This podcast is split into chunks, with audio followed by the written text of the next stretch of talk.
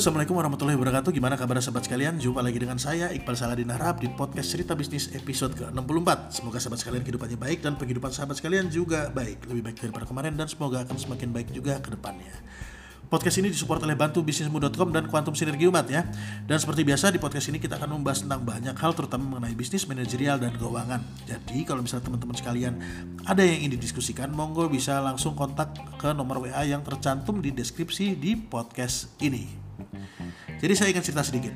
Dulu waktu saya masih kuliah, saya hampir setiap hari itu makan di warung. Lah iyalah ya, saya kan anak kos dan saya nggak bisa masak. Paling cuma bisa masak mie instan doang pakai telur. Jadi setiap hari tuh hampir setiap hari itu makan di warung, sarapan di warung, makan siang di warung, makan malam di warung. Pokoknya untuk makan saya percayakan untuk makan di warung.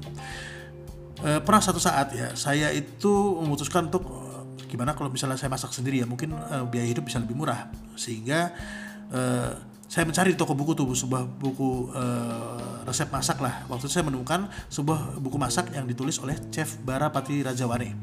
Di situ ada uh, judulnya cukup menarik tuh resep makanan yang mudah untuk mahasiswa nah jadi langsung saya tertarik gitu membaca judul yang ada di buku itu resep yang mudah dibuat oleh mahasiswa ini pastinya uh, kurang lebih uh, low cost gitu jadi biayanya pasti murah dan ketika saya baca memang betul bahan bakunya juga mudah ditemui di toko-toko swalayan terdekat seperti telur roti dan lain-lain Oke, saya memutuskan untuk mencoba memasak satu dua resep yang ditulis di buku itu.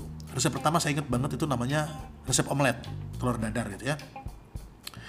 Nah, proses masak omelet sesuai di buku ini yang saya terapkan, mulai dari proses awal sampai jadi sampai siap makan itu butuh waktu kurang lebih 15 menit mungkin karena saya belum kebiasa kali ya. Kalau mungkin saya udah biasa masak uh, mungkin bisa lebih cepat lagi. Dan resep kedua seingat saya itu membutuhkan waktu sekitar 20 menit. Mulai dari persiapan uh, persiapan dulu membersihkan lain-lain ya. Proses masak sampai proses siap saji itu membutuhkan waktu 20 menit. Dan untuk menghabiskan kedua maka makanan tadi ya masakan tadi itu kurang lebih itu saya ingat banget itu membutuhkan waktu 10 menit. Jadi itu saya agak dongkol sama lama masaknya. Kenapa? Karena untuk resep pertama 15 menit, resep, resep kedua itu 20 menit, sedangkan jadi total 35 menit ya. Tapi untuk ngabisinnya cuma butuh waktu 10 menit gitu loh. Dan setelah saya mencoba praktek tadi itu udahlah, saya memutuskan untuk udah deh saya nggak usah masak lagi di kos kecuali mungkin saya kepepet malam-malam gitu malas keluar baru saya mungkin masak mie instan gitu loh. Menurut saya lebih praktis makan di warung menu sudah ada tinggal tunjuk bikin lauk apa gitu ya bikin sambel pakai uh, pesan minum bayar siap makan terus habis itu juga uh, nasi juga gak terlalu lama udah siap saji gak butuh makan waktu lama paling lama mungkin tiga menitan loh ya untuk uh, proses mengambil lauk sampai tinggal makan. Prosesnya paling tiga menitan. Dan uh, sudah selesai pun nggak perlu cuci piring juga tinggal bayar tinggal pulang. Nah pelajaran yang bisa saya ambil dari pengalaman tadi adalah ternyata banyak juga ya orang yang malas masak sendiri. Jadi pingin makan enak tapi pingin nggak capek dan pingin nggak pakai lama. Oleh karena itu mungkin uh, ini menurut saya ya untuk menjawab permasalahan tersebut berdirilah bisnis warung makan dan rumah makan. Uh, warung dan rumah makan tadi adalah salah satu solusi buat orang yang malas masak sendiri. Nah, ini adalah cara membaca peluang bisnis teman-teman sekalian. Jadi setiap bisnis itu bisa berdiri karena dia punya solusi untuk menjawab permasalahan yang ada punya solusi untuk menjawab permasalahan orang lain dan punya kemampuan untuk menjawab kebutuhan orang lain.